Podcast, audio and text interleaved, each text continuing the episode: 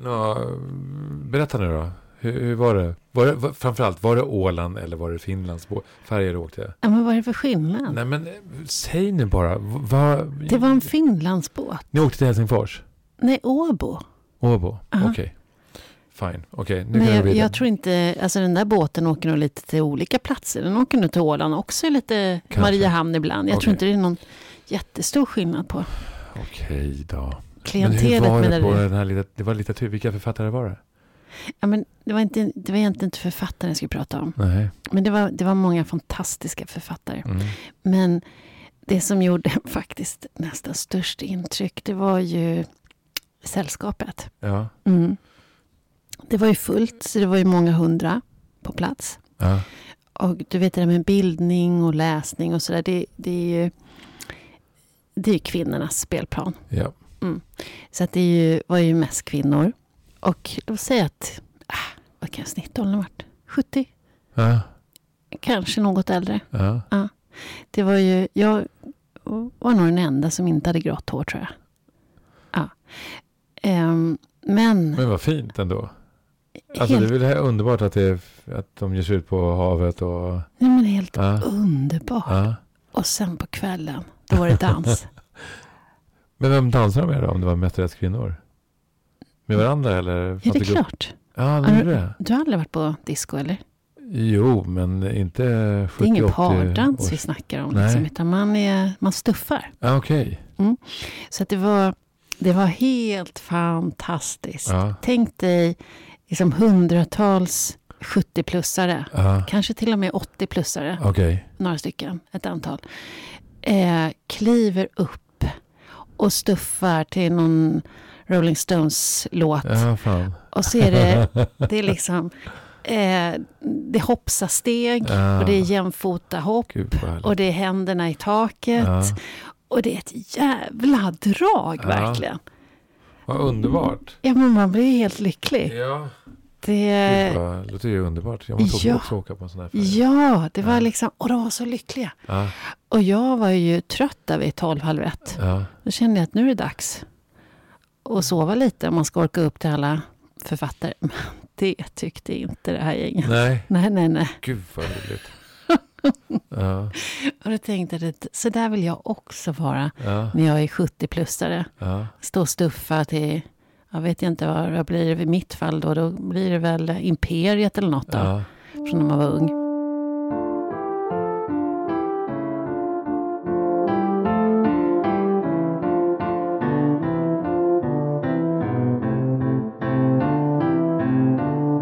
Tror du inte att de här människorna alltid har stuffat eller alltid har dansat? Eller tror du att det har kommit med åldern? Att de har tagit ett nu jäklar tar man igen. Det är oklart, men jag kan ju säga att de... Alltså det var ju mycket så här stå och jogga på samma ställe. Okej, och, okej. Alltså det var ju kanske inte någon utpräglad dans direkt. Nej. Utan det, och, och det var ju också så jäkla häftigt. Att du vet, den här känslan av...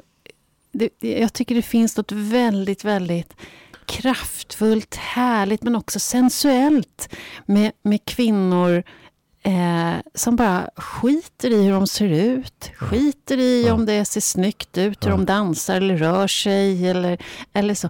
Utan bara är, Ja. hoppar runt där bäst de vill. Liksom. Tjoa hopp med benet åt vänster eller höger eller handen upp eller ner. Vad fan spelar det för roll? Liksom? De bara rör sig till musiken. Underbart. Det låter helt fantastiskt. Ja. Eh, Ja, det, det, det var faktiskt resans höjdpunkt. Ja, ja vad kul. Man blev lycklig. Ja, vad härligt. Och att det var så många som Ja. kraft. Ja. Liksom. Men jag, tänker så här, eh, resans... Eh, Så jag tänker bara, hade jag varit 70-plussare ja, och heterosexuell man, då hade jag dragit ut då på- hade jag åkt till litteraturbåten. Okej. Herregud, det Så var nu ju... har Podmoga plötsligt blivit en sån här eh, Tinder.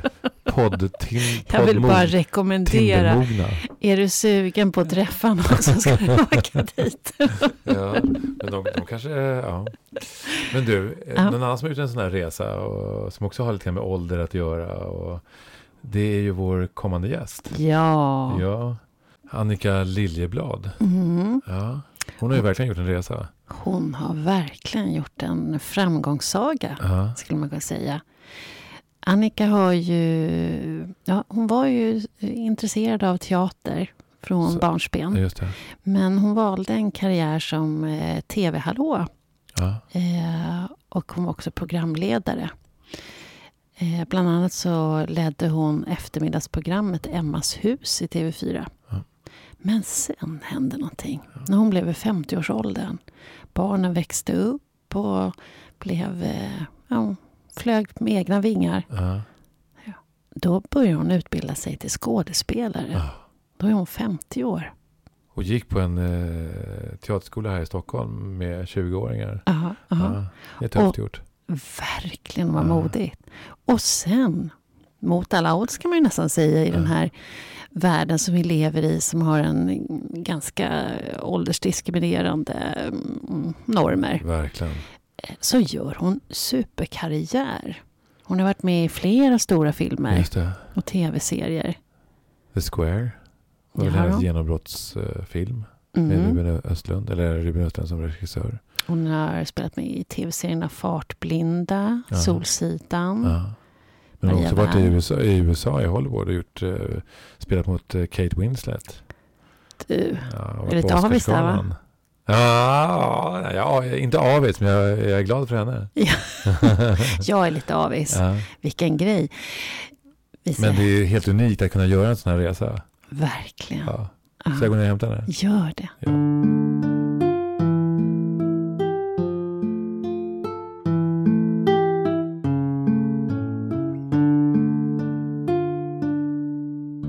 Välkommen till podd Mogna, Annika Liljeblad.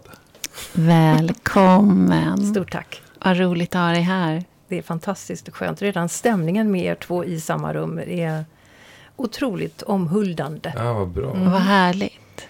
Vi kör på ganska omgående med våra frågor. Mm. Eh, och en av de frågorna som vi ställer till alla, det är den här frågan. Har du mognat något på sista tiden, Annika?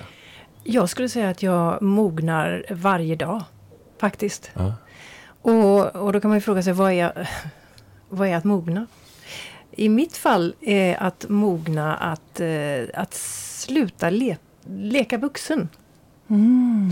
skulle jag säga. Jag, eh, eh, det, det, var en lång, det var många år man, man försökte vara vuxen och bete sig och göra val i livet som var vuxna. Mm. Lite förväntade kanske av omgivningen att man gjorde. Eh, funderade inte så mycket inåt utan mer eh, hur ser det ut på utsidan. Eh, och ju mer, ju äldre jag blir eh, önskar kanske att den här processen hade startat lite tidigare i livet. Men nu är det som det är. Ju äldre jag blir desto mer är det avskalat och jag mognar på ett sätt som gör att jag tar av mig vuxenkappan. Jag har kvar mina erfarenheter Mm livserfarenhet och försöker förvalta dem väl. Men eh, jag vågar se livet på ett mer, ehm, vad ska vi säga, ett palettaktigt sätt Mm. än vad jag har gjort tidigare i livet skulle jag säga. Mm. Det, det låter som att det började med att bygga fasaden och sen mer att ta av och bli mer sårbar. Absolut. Mm. Och där säger du ett ord som jag älskar. Sårbar. Mm. Jag gör verkligen det. Mm. Och det, det är också tack vare det här yrket där, där det eh, hyllas och är ett av de viktigaste verktygen, nämligen sårbarheten. Att, att eh, kom, vara i kontakt med den inre kärnan av vem jag är, vilka behov jag har, vad, vad som gör mig ledsen, glad, eh, eh, arg, vad som triggar igång mig på olika sätt. Det är ju en rikedom Mm. Faktiskt. Mm. Mm. Och den är man ju ofta, så, som ung var jag i alla fall, eh, vet inte hur ni, ni upplevde det, men, men som ung var man ju så otroligt rädd att någon skulle få möjlighet att titta in i den här Mm. innersta lilla Mm. kärnan. För den kanske inte var så som man ville att omgivningen skulle uppfatta den. Mm. Så nu är jag totalt naken, även om jag just nu sitter med kläderna på. Mm. Själsligt naken. Men, Ja. men hur, Ja. hur intressant. Vad var det som var vändpunkten från fasad till sårbarhet? Vändpunkten kom nog i samband med eh, en period i livet när jag då eh, som så många andra i en viss ålder eh, ser sina barn växa upp och flyga alldeles eh, självständigt eh, genom livet. Eh, och min mammaroll var en viktig roll för mig. Eh, vi adopterade två flickor från Indien och för mig var det en, en sån gåva. Eh, och den vill jag inte vara utan någon sekund. Så, så jag gick verkligen in i det med allt jag hade. Eh, men när de flyger eh, fritt, själva barnen, så står man ju lite mer eh, för sig själv en vacker dag och ser sig själv helt plötsligt i en annan, eh, vad ska vi säga, en annan eh, position. Och vem är jag då? Vem blev jag? Eh, och den var, den var, I mitt fall så blev det ganska allvarligt faktiskt. Mm. Jag, eh, möjligt att jag hade eh, mobiliserat väldigt mycket smärta under många år som jag inte hade tagit tag i. Eh, Men där och då så gick jag in i en, eh, ja, en mörk grotta kan man verkligen säga och ett djupt hål. Mm. Och det tror jag blev, eller det tror, det blev vändpunkten för mig. Verkligen. Där och då tror jag den sanna Annika kom Mm. fram. Ehm, och det är jag så glad för idag. Mm. Att Jag det förstår tyvärr ska vilken rikedom. Ja, faktiskt. Mm. Synd att det ska behöva en kris. eh, Att det ska behövas en, en sån hård smäll. Mm. Ja. Vad tror du Men- att det, vad tror du att, varför var det så? Varför behövdes det en så hård smäll? Därför att jag, det är en bra fråga. eh, och en viktig fråga att reflektera över tror jag. Därför att eh, just det där skalet som man, men nu ska jag prata om mig, som jag byggde upp. Mm. Var så fantastiskt, eh, eh, vad säger man, ja starkt. Mm. Det fanns inte en, en hålighet i det. Mm. Det var ett, ett starkt skal som jag hade lyckats bygga upp. Mm. Och då blev ju också kraschen eh, större. Mm. Eh, men det var en enorm lättnad när hela den här betong och plåt och stålmanteln eh, flög av mig. Mm. Mm. Eh, Hur länge var det den här mörka grottan? Det var jag säkert under en period på ett, ett par år, ett, två säger vi. Ja. Eh, Det ebbade ut så sakta. Men min räddning var ju att när jag stod utan rustning, Ja. eh, då fanns det någon vid min sida. Mm. Eh, Han i det här fallet stod kvar. Mm. Hade han inte stått kvar så kanske jag hade eh, inte varit ihoplappad Mm. ännu. Men det Mm. fanns någon. Det, vi hade våra döttrar och de stod också och stöttade i den mån unga tjejer, tonåringar kan göra det. Men Mm. för de har ju andra utmaningar. Såklart. Men eh, jag var inte ensam. Och Mm. eh, så i mitt fall så är jag oerhört tacksam för att jag hade det stödet jag fick. Att kravla mig upp ur det här Mm. hålet Mm. och eh, totalt naken. Vem är jag? Vad tillför jag världen? Eh, vad gör jag för nytta? Mm. Mm.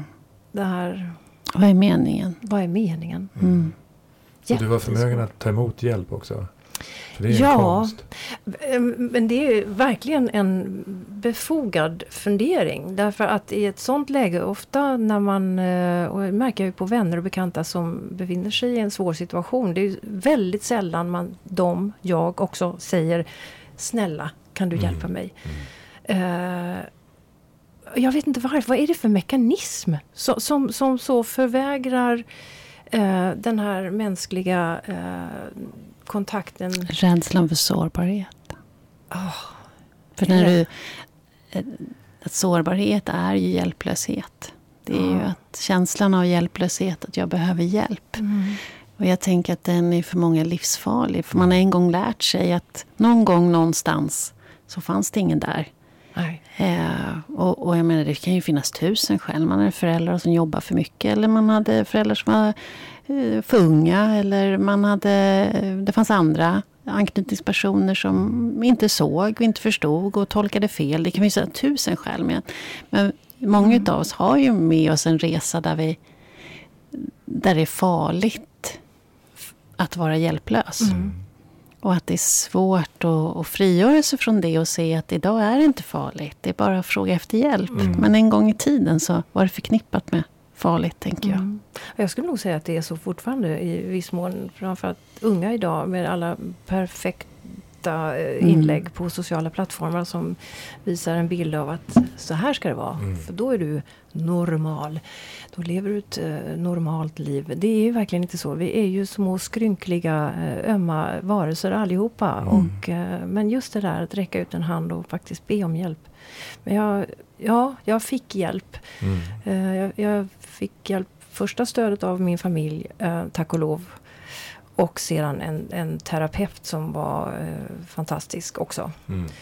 Men det var ju en resa. Men jag tror att min resa kanske blev ehm, eh, vad ska vi säga, den, den blev kanske lite kortare sen den här till, eftersom jag hittade min plattform för det här helandet så relativt fort. Mm. Nämligen skådespelarutbildningen som jag gick. Mm. Mm. Som min man också puffade in mig på eftersom han visste att jag, jag, det fanns där i, min, i mitt unga liv. Ehm, och där, där, det var ju där jag hittade mig själv. Det Mm. låter klyschigt men det var precis vad jag gjorde.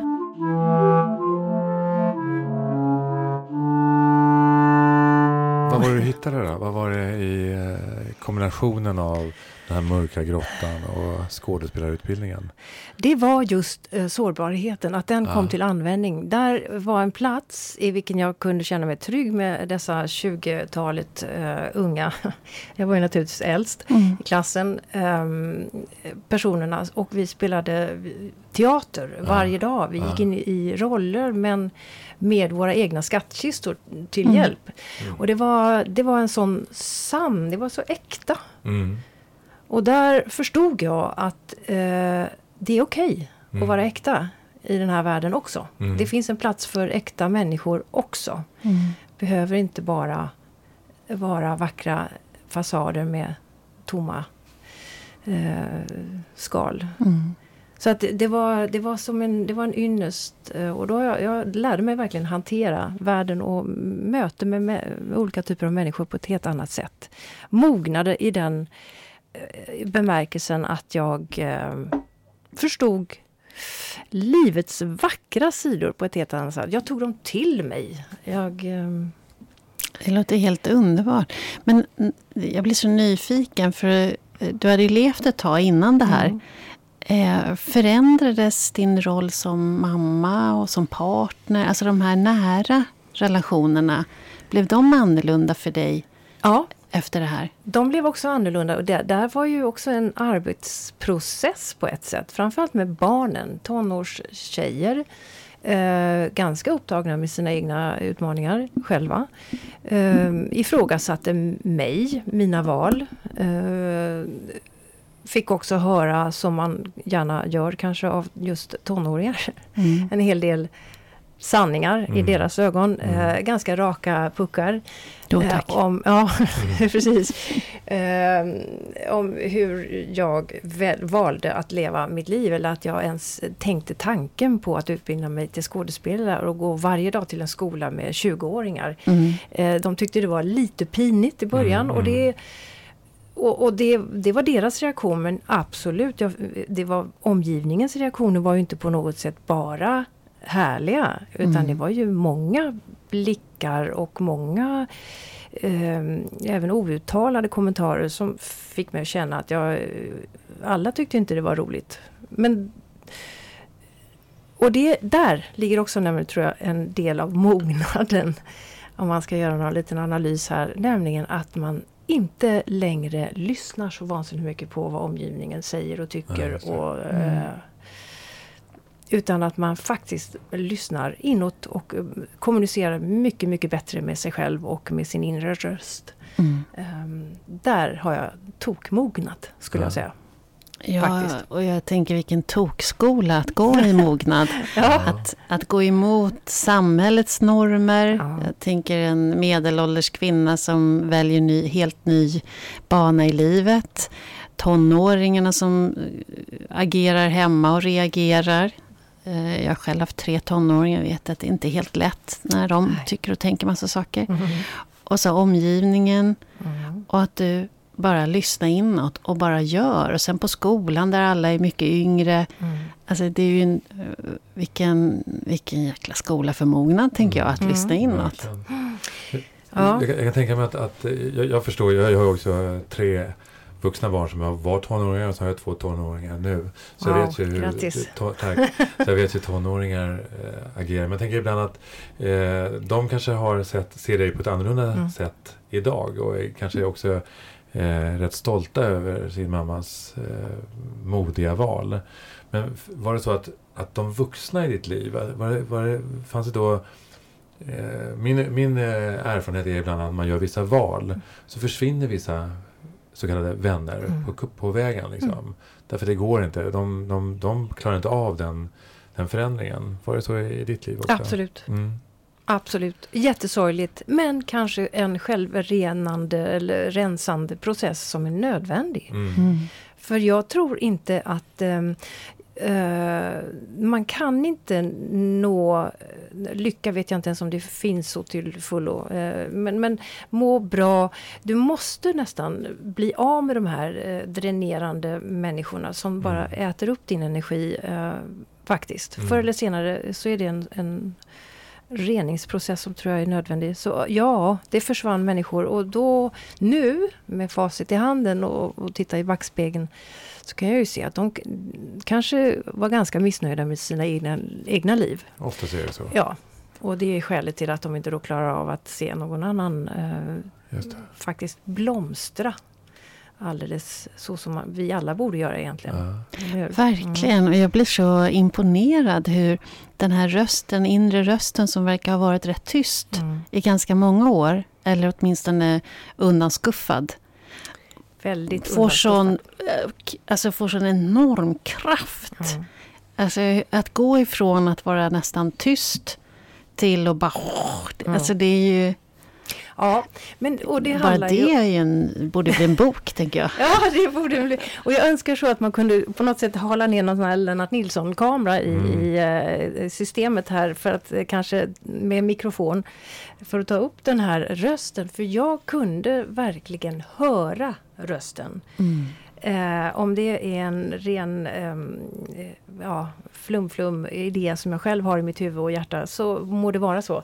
Mm. Men jag kunde verkligen höra en röst eh, när jag blev äldre. Men precis som du sa, jag skuffade undan den. Mm. Jag, den, den hade ingen plats. Den, den var någon slags eh, signal om att jag börjar bli knäpp. Um, Nej, nej men snälla, kära någon, jag är 50, det, det är ju omöjligt. Mm. Eh, och det, det, det, var, nej men det är ju man ju vansinnigt bra på. Det här att, att tacka nej, att mm. eh, skuffa undan signaler som säger att det här skulle du må bra utav. Mm.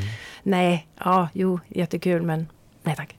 Eh, det blir så lätt så, eller Det är lättare än att säga oj oj oj, nu ropar rösten på mig för det gjorde den. Mm. Eh, den säger att jag ska göra så här. Hmm. Och nu äntligen så, eh, det låter också jättekonstigt. Men Annika och jag är såna bästisar nu. Mm. mm. Vi snackar, alltså när det blir, börjar bli jobbigt och det är ju just nu en period som är jättesvår på så många sätt. Um, vi pratar jättemycket och det gäller att hitta tillbaka till den.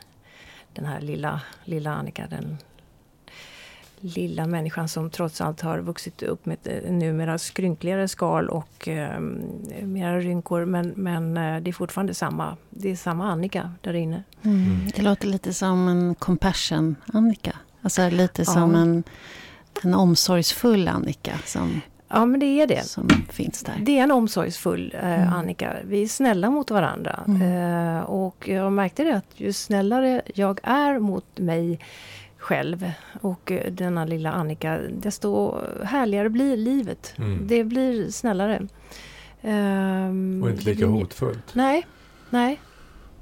Exakt. Jag tänker liksom att, att den här inre dialogen, om jag sätter andra ord. Ja. Den, eh, att den inre dialogen är en förutsättning för att kunna förhålla sig till våra rädslor. Ja. Så är det för, för mig. Jag, jag tänker, liksom du nämnde den här mörka tiden vi är i. Jag tänker att Tänk om, om vissa ledare hade haft en inre mm. dialog.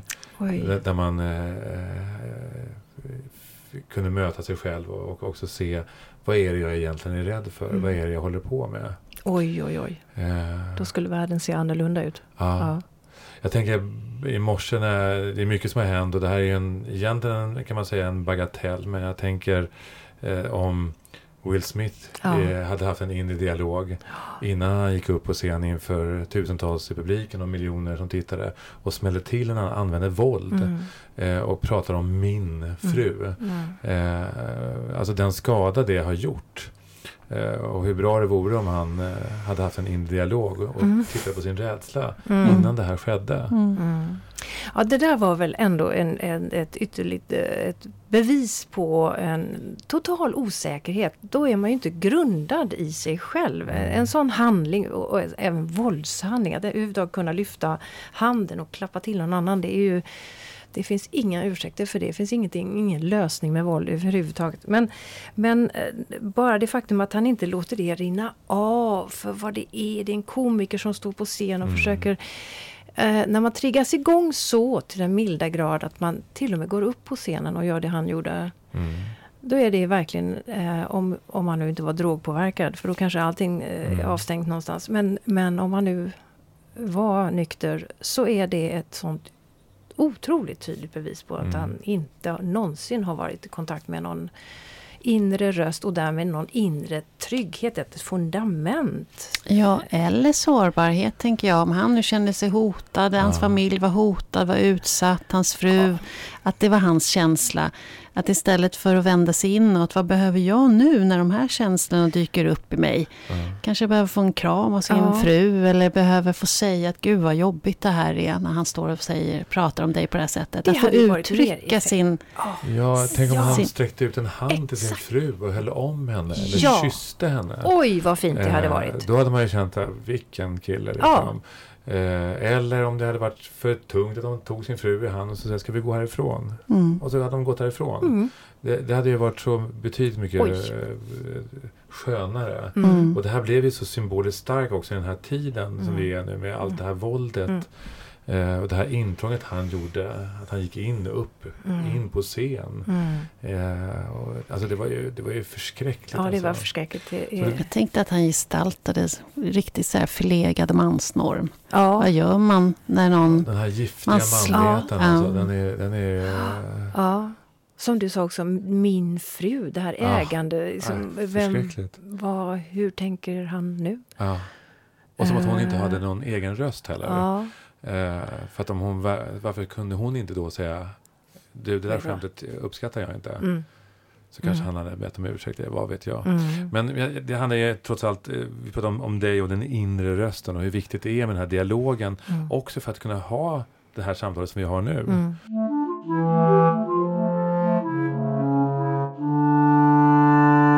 Här, hade du kunnat ha det här samtalet för 20 år sedan? Eh, det tror jag inte. Då hade jag nog försökt att hålla en eh, mask här och, och säga rätt saker. Jag hade Ja. nog förberett mig, kanske läst alla dina böcker. Eh, och eh, vi har försökt att vara till lags. Mm. För det var nog, tror jag, min stora eh, drivkraft på något sätt då. Eh, som ung, eh, efter mina föräldrars skilsmässa och hela yrkesvägen där. Eh, att vara till lags, att eh, passa in. Mm. På bekostnad av mig själv. Mm. Jag lyssnade inte längre på, eller jag lyssnade inte alls på mina egna behov eller vem jag ville faktiskt vara. Utan eh, det var viktigare att jag smälte in, Mm. funkade och gjorde ganska många passiva val. Mm. Även yrkesmässigt. Jag lyssnade ju inte på min, den här eh, teaterrösten som jag hade redan som liten. Utan jag eh, fick jobb to- och som, som jag är glad för att jag fick en lön. Men, men det var jobb som var väldigt långt ifrån det jag egentligen mådde bra av att göra. Mm. Eh, så att, eh, nej, passiva val är av ondo. Mm. Aktiva val, det gillar jag. Mm. Numera, ska Mm. jag säga. Men det krävs ju också väldigt mycket mod, tänker jag. Att göra den resa som du har gjort. Att, att det där modet att våga... Man brukar ju prata om att sårbarhet, det är där rädslan och modet möts. Mm. Ah, Att eh, våga vara i sin rädsla och ändå göra det. Ja. Liksom känna sin rädsla men ändå göra det. Mm. Att det är en del av sårbarheten. wow. Ah, Mm. ja. Tänker att det, det där modet, Ja. vad, vad kommer det ifrån? Vad fick du? Ja, det ah. föds man ju inte med. Mm. Det kom nog då eh, i min avskalade version av Annika. Mm. mm. Där kom modet, för, det, för det, fann, det fanns egentligen två vägar att gå. Och det ena var ju alldeles för dramatiskt och svart. Och det andra var att fortsätta men på ett eh, äkta sätt. Um, om man ska hårdra det. Så mm. modet var nog faktiskt, det fanns, ingen, eh, fanns inget alternativ till det. Mm. Uh, säga ja mer än vad jag säger nej. Mm. Uh, och, och uh, sen kan man ju hinna fundera över, är det farligt det jag har sagt ja till? Uh, om det inte är det, ja men pröva då. Och går det bra så fantastiskt. Och går det inte bra så har jag åtminstone en erfarenhet mer mm. i mitt mm. bagage. Så modet, ja, det måste man, men det måste man verkligen jobba med. Jag säger inte att jag är Stålmannen eller Stålkvinnan varje morgon när jag vaknar. Men eh, det, fin det, finns små saker som kan skapa en motgång för mig. Men, men jag är så medveten nu mer ja. om vad det är som händer. Ja. Finns det kvar någon rädsla för den här rädslan för att inte vara älskad? Eller rädslan för att inte räcka till? Eller rädslan för att misslyckas? Eller finns det, finns det något rum av det kvar? Ja, det gör det ju. Jag har ju gett mig in i en bransch som är ganska tydlig mm. med att uh, skicka signaler om att man inte duger, uh, eller åtminstone inte för just den rollen. När man gör audition, provfilmningar och annat. Så det, det är ganska, jag utsätter mig ju för mycket tuffa uh, bedömanden. Mm. Ja.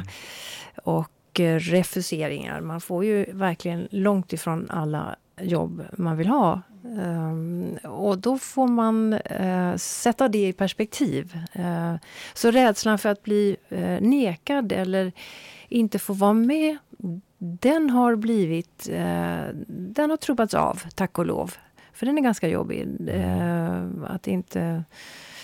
Jag, jag, är så totalt mot mobbing. Jag blev lite mobbad också i grundskolan och det kanske vi alla har fått en släng av. Men Um, också mina barn, oh, alltså verkligen överkänslig när det gäller um, utanförskap. Mm. Uh, så att det är klart att jag också, det gör ont i hjärtat och magen på mig uh, om jag känner att jag inte är uh, med i, om det är något, ja, något sammanhang.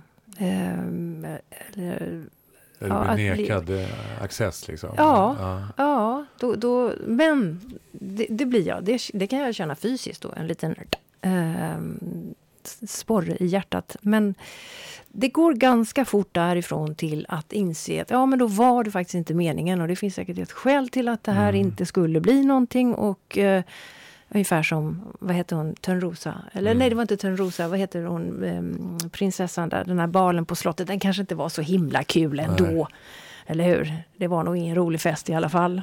Mm. ja, självbevarelsedrift. Men, så att jag hittar ju min verktygslåda mm. snabbare nu. Mm. mm. Men du har ju gjort någonting som, eh, alltså, som faktiskt ska vara helt mot naturlagen. Du har ju gjort en karriär i 50 plus som kvinna i en ålders och könsdiskriminerad värld och i en mm. bransch där man pratar mycket om att det inte finns några roller för mm. kvinna plus 50. Mm. Och du kommer nyexad och kliver in och tar topproller. Mm. Hur vad gjorde du? Ja, um, ja men det, det, det, är ju naturligtvis... Jag kanske gjorde någonting uh, och det tror jag heter passion. Mm. Det är uh, min hemliga, uh, mitt hemliga recept mm. för att, att nå dit man vill komma. Men sen är det ju naturligtvis också en hel del tur, mm. timing. Mm. Um, jag, blev, jag, jag blev sedd av Ruben Östlund som, som um, då kastade mig till The Square. Och det satte ju väldigt mycket i rullning, onekligen. Um, och sen är jag, återigen, jag har ju det här kombinationen av ett mod inte övermod skulle jag inte säga. Jag vet fortfarande, alltså det finns ju naturligtvis en, en bristande eh, självsäkerhet. En självkänsla har jag nog ganska hyfsat god men självsäkerheten är ju inte alltid på topp.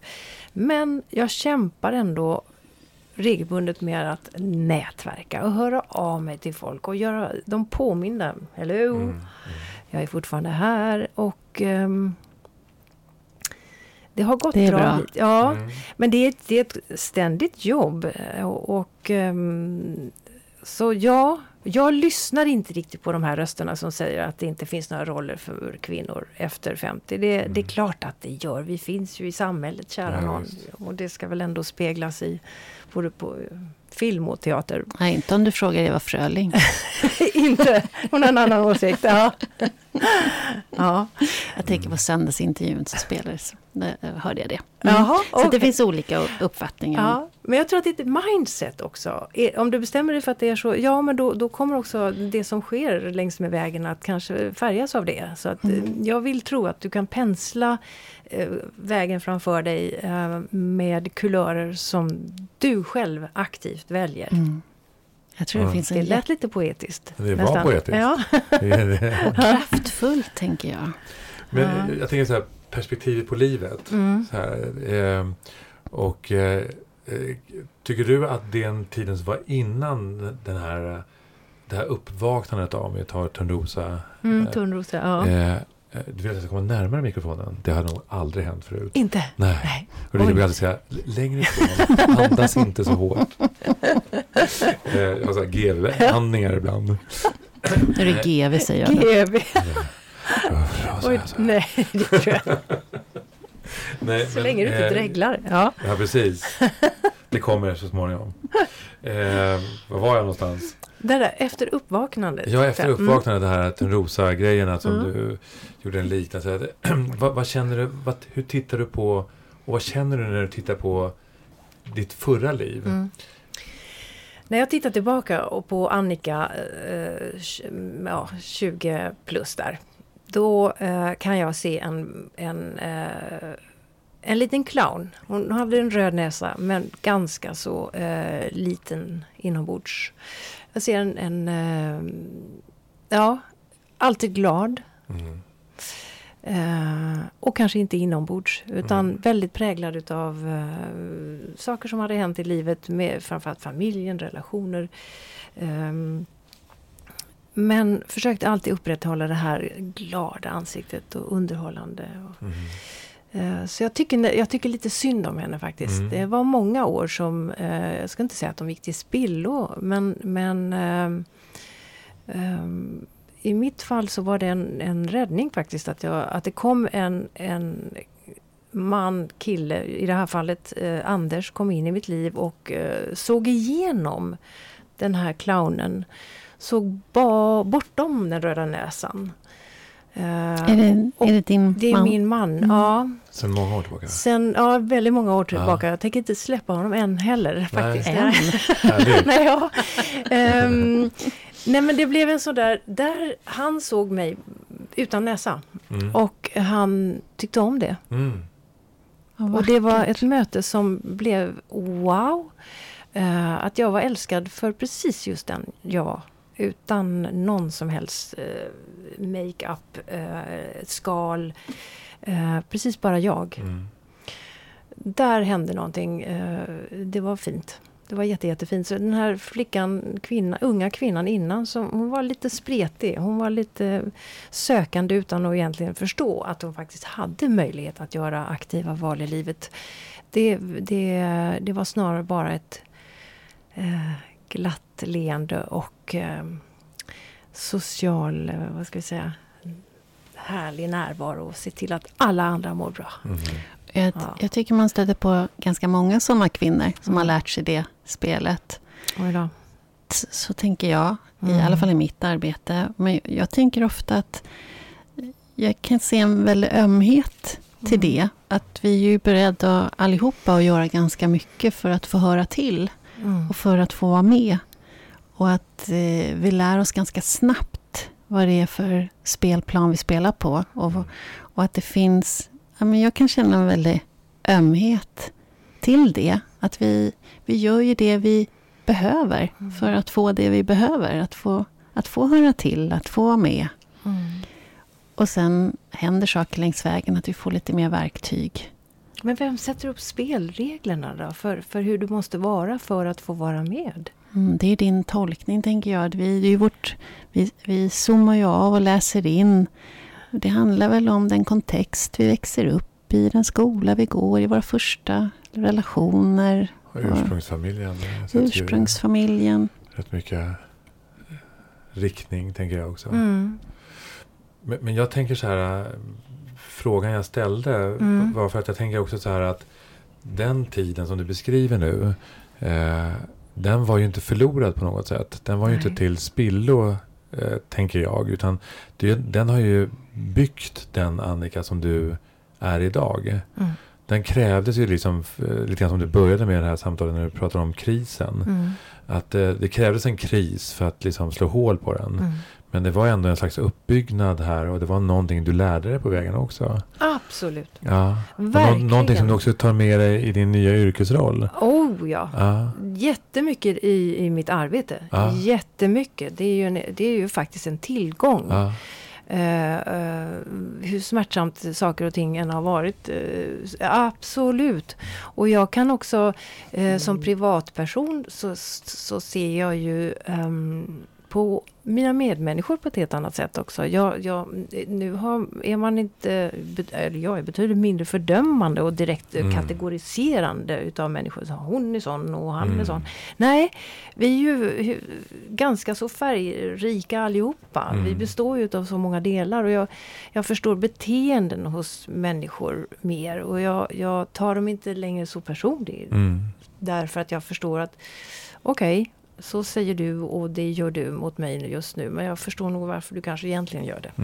Mm. Um, så att därmed inte sagt att jag är någon slags uh, visdomsgudinna. Uh, men, men, men det gör livet um, tydligare. Mm. Uh, skeenden är tydligare. Sen blir man ju också, eller jag, jag är väldigt, vad ska jag säga, sårbar så tillvida att jag, jag läser ju in väldigt mycket. Eh, jag har ju ett känslosprö som är um, överallt. Mm. På gott och ont. Mm. Eh, och framförallt just nu med alla bilder, filmer och eh, sånt som kommer från andra delar av världen. Mm. Det gör ont. Det gör verkligen ja. fysiskt ont att, mm. att vara vid liv idag och vara så medveten om allting som händer. Mm. Eh, det gäller att hitta någon sorteringsform för det och det är inte jättelätt. Nej.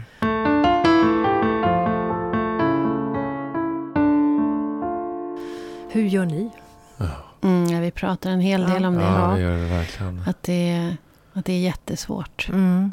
Och att man måste hitta något sätt att inte stänga av, men att förhålla sig. För mm. man, i alla fall tänker jag så. Man har också, alla som lever på den här jorden har också ett ansvar att på något sätt ta ställning eller bidra ja. eller sprida information eller vad det nu mm, är. Men mm. man, är ändå en, man har ändå ett ansvar att vara aktiv på något mm. sätt. Mm. Så man kan inte stänga av men man kan inte heller gå under. Nej. Så det är ju det är en balansgång. Att sortera lite grann. Mm. Men för, också, för min del så handlar mm. jag för nu ganska många år sedan gjorde ett beslut av att inte stänga av. Att aldrig stänga av hjärtat, liksom, mm. kontakten med mitt hjärta. Liksom, att alltid på något sätt eh, eh, återknyta till mitt hjärta. Mm. Och, och, hjärtat är ju både en, en, poetisk bild av känslolivet men det, det, är ju faktiskt också någonting fysiskt där det är rätt mycket känslor. I och med att vi har en hel del eh, lik, likheter till hjärnan mm. som faktiskt sitter i hjärtat. Mm. Eh, så att för mig har det bara, ja, jag, jag blir mer sårbar i vissa lägen så eh, är det knepigare. Mm. Eh, det är mer att ta hand om. Mm. Men det är ett mycket lyckligare och rikare liv. Det är ett så mycket lyckligare, eller ja, ja, återigen, det kan vi också diskutera, lycka. Men, men det rikare liv. Jag har till och med eh, börjat um, när jag känner att jag är för mycket uppe i huvudet mm. och uh, läser in saker och kanske inte bara till, till positiva slutsatser utan när det blir för jobbigt, då håller jag verkligen en hand mm. på mitt hjärta. Mm. Uh, och tryck, gör du också det? Mm. Jag gör också. Du gör också det? Och på magen. Och på magen. Ja. Och, det, men då, och då går tankarna på något sätt, de mm. har sitt ursprung där då. Mm. Och blir så mycket renare och finare och tydligare. Och. Nej men vad häftigt, vi ja. gör det alla. Nu sitter vi här alla tre och trycker. Ja. Ja. Ja. Det finns lite mer faktiskt forskning på det här. Att vad det, är. Ja, det är en slags självhelande. Men det är, det är, en, det är nästa podd. Ah, okay. Nästa båt. Ja. Jag, jag, jag, tänker så här, det här med lycka vill jag bara säga. Mm. Så här, att när, när jag säger lycka, så Mm. lycka inbegriper faktiskt även när det är tråkigheter. Eh, därför att det handlar om ett känsloregister. Mm. Att inte stänga av betyder att, det är, att livet blir betydligt rikare. Och då räknar jag med de här berg och dalarna som faktiskt är livet. Liksom. Det är inte Mm. en eufori. Eh, jag har mediterat i 27 år. Det betyder inte att jag alltid är harmonisk. Inte. Det, det är dagarna Nej, det kan vi gott- verkligen inte se. Eller hur? Så att det, det, men däremot så är det ett, ett bra redskap. Ja. Eh, när, när, och hur hade jag varit om jag inte hade haft det redskapet? Eh, då hade det varit förmodligen helt hopplöst jobbigt. Ja. Men, men, men, men, och det är också en sån här insikt, det kanske också kommer med mognaden. När, den dagen när man inser att den här lyckan, det är ju helt plötsligt när man upptäcker att man har att det faktiskt finns saltgurka hemma till Ja. leverpastejsmörgåsen. Yay! Ja. Det, det kan vara otroligt eh, små Mm. saker som faktiskt helt plötsligt bara pling, spritter det till i hjärtat Ja. och wow! Och det, det är det är lycka verkligen. Mm. Och de är häftiga de där små stunderna. Och det är, ja, Det är när de verkligen nu det. kommer. Och jag tänker det som du sa förut också, det här med att, att du inte är så kritisk och dömande längre mot andra som du upplever, utan du går mer in och förstår. Jag tycker också där finns en sån där härlig känsla att när man först tänker, vad fasiken är det här för något? Och så ger man sig tid istället för att möta och försöka förstå. Och så plötsligt känner man ömhet istället Ja. för att bara, "Ah, vad är det här? Att det är också en väldigt härlig känsla. Mm. Att få eh, att vara där med en person och känna det istället för ett avvisande och distans. Men det är ett, hela tiden ett arbete ju. Mm. Ja, men jag tror att det, det, det är, jag vill påstå att det, det där är verkligen mognad. Eh, och det är det jag menar med att sluta leka vuxen. Sluta och ha, ha färdiga svar på allting. Mm. Utan känn in. Känn in istället, vad är det här för något? Och vad kan det ligga bakom Mm. den här situationen? Och det är väldigt mycket, ja det är roligare också. Faktiskt. Mm. Och, och göra de här analy- analyserna och, och Mm. så komma fram till saker och känna att jag behöver inte gå upp på scenen och klappa till någon utan eh, jag vet. Ja. Jag kan försöka förstå istället Ja, vad som händer här. Mm. Både hos mig själv och hos den andra. Ja. Jag läste faktiskt en studie som visade att människor som är mer sårbara och vågar vara sårbara är också betydligt, upplever sig själva som mer lyckliga. Mm.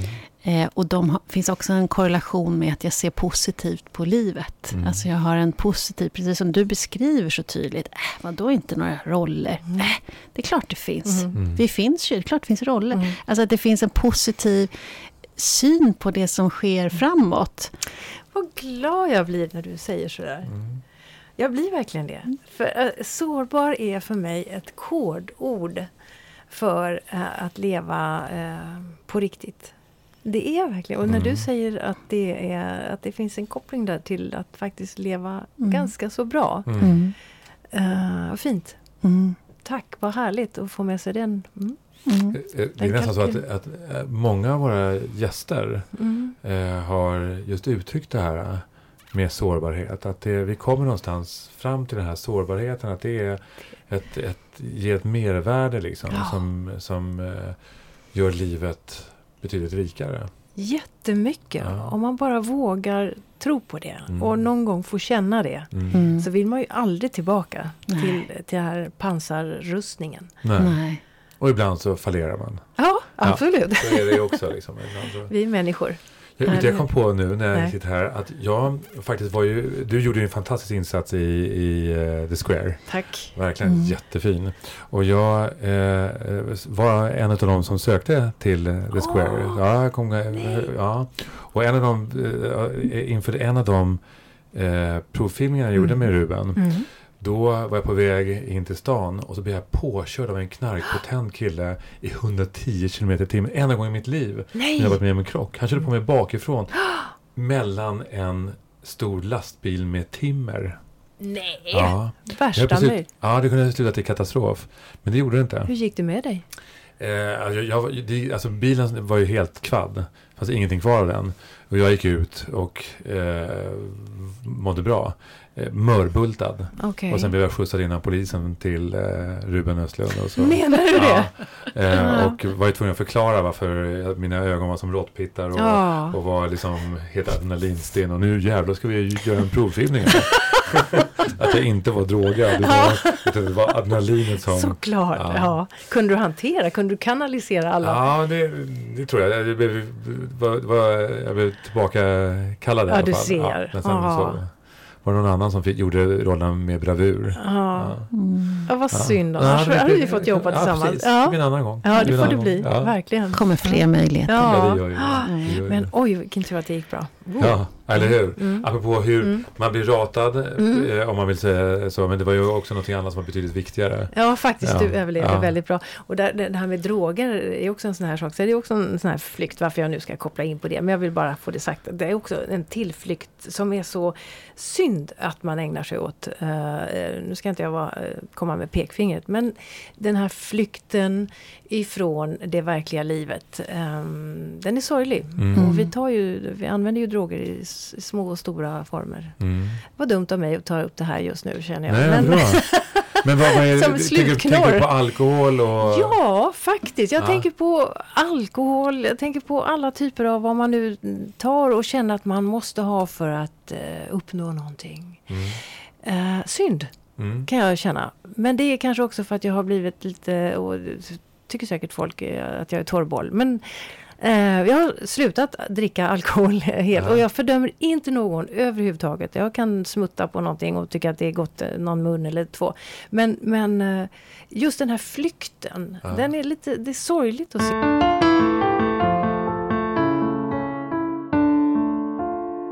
Ett tips då, det är ju att omge sig med människor som tillåter dig att vara modig. Som Mm. hjälper dig att bli och vara modig. Och plocka bort de där, som vi sa förut, de här som, ja, de som faktiskt helst inte vill att det går så bra för dig och din dröm. Nu är det nästan svar på vår sista fråga där. Ja, det är det hörde du det? För, men, men vi ställer den i alla fall. Så, så, ska- eller ska ska vi inte Ja. göra det? Mm. Eh, för jag, jag tänker så här. Det, det, det, jag tänker det du har gjort är ändå viktigt nog för många som lyssnar nu. Mm. Eh, inte minst för, för kvinnor i den brytpunkten. Liksom, så, där man upplever att det är, är, är livet kört Ja, nu. Just det, vem är Eh, jag? Vi, vem är Mm. jag? Eller också att, att ge sig in i en karriär som du har gjort det. Mm. Och det, det, på det sättet så är du ju en förebild. Mm. Så, så vad, vad tänker du, vad skulle du vilja, för, för att avrunda, och det gjorde du på ett sätt här, men om du vill fortsätta Mm. att avrunda, hur ska andra människor hitta sin röst? Eh, genom att eh, se till att det blir tyst runt omkring. Eh, koncentrera dig på din röst. Ge dig tid. Den kanske du, inte, du kanske inte hör den idag. Men om du lyssnar lite till så hör du den imorgon. Mm. Vad säger du om det? Underbart. Tack Annika Liljeblad för att du kom till Poddmogna. Tack så hemskt mycket. Tack så vansinnigt mycket.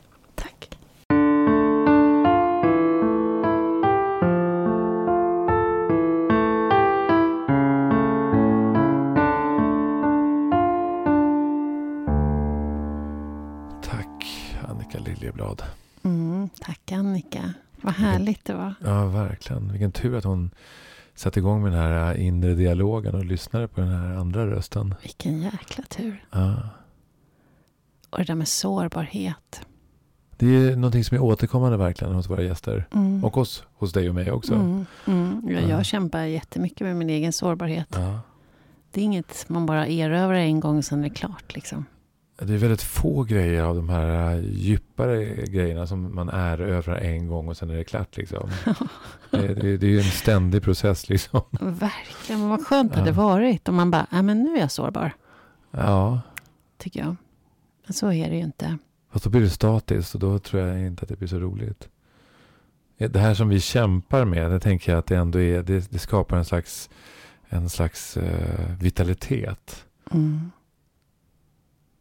Mm. Jag, ehm, jag hade ett samtal för ett tag sedan med min terapeut som jag går hos. Eh, om obehagskänsla, apropå sårbarhet, om Mm. obehagskänsla. Mm. att när jag får, tycker att någon situation är obehaglig, jag får en stark obehagskänsla, det händer inte så ofta, men det händer mm. ibland. Eh, så pratar vi om det och vad som händer med mig då. då händer, det som händer är att då vill jag gå därifrån. Ja. Då vill inte jag vara med. Då vill jag avsluta vad jag nu håller på med.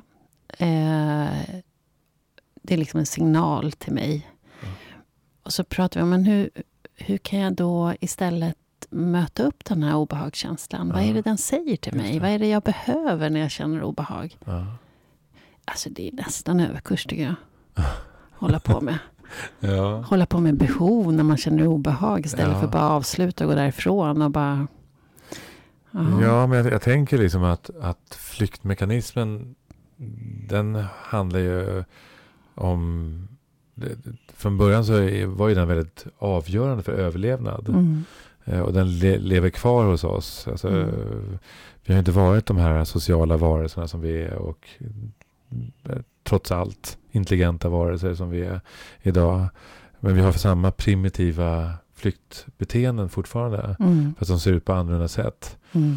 Så jag, jag tänker att, eh, att det är nog rätt viktigt att, att titta på det. Jag tänker på för, för min egen del att, att inte fly undan. Eh, jag, har allt, jag har aldrig liksom varit konflikträdd. Mm. Eh, tvärtom, men däremot har jag ju, har ju mitt sätt att, att inte fly rädslan inte alltid varit den bästa. Mm. Eh, den har ju mognat med åren. Mm. Att inte vara så...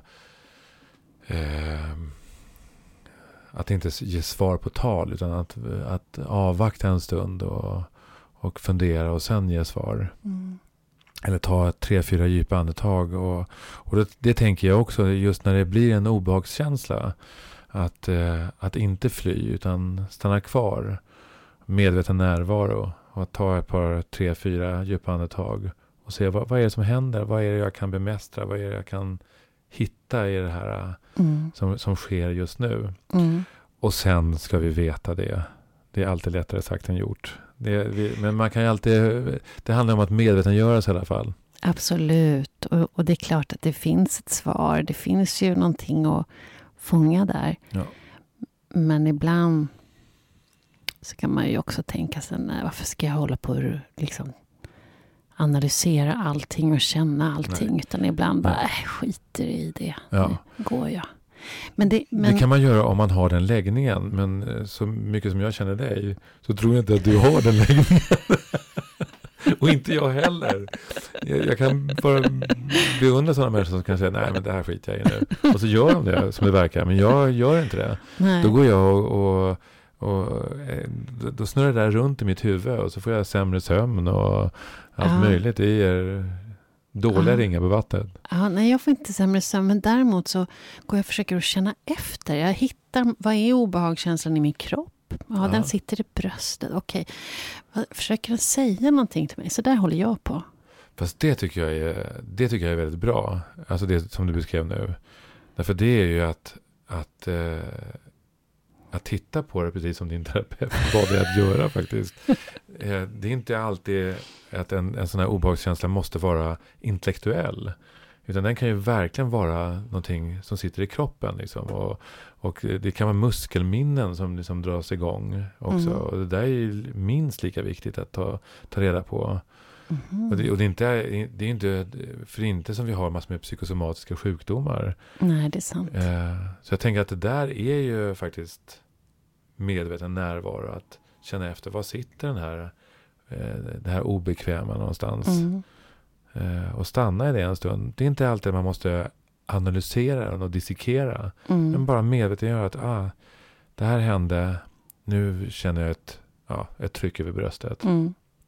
Eller nu börjar magen att rusa eller mm. något liknande. Vad gör man sen då Ruben? Om magen går och rusar, ja, eller... då går du på toaletten, tycker jag. Om du har tryck ja, över bröstet. Ja, eller vad det nu är för någonting. Ja. Kramp eller ja. bara molande. Eller vad, händer, vad är nästa steg? Ja, men alltså, nästa steg är att andas. Mm. Eh, och det här är ju en uråldrig kunskap. Men det är också någonting som forskningen sätter tänderna i nu rätt mycket. Hur viktig vår andning är och hur mycket vi har förlorat eh, kontakten med vår den här djupare andningen. Mm. Eh, och att eh, visst kan man andas i bröstet och så vidare. Men det, vi måste också ner i magen och ner i, i, längre ner i de nedre regionerna. För att, för att liksom kunna våga stanna i, i nuet. Liksom, i Mm. det som sker. Mm.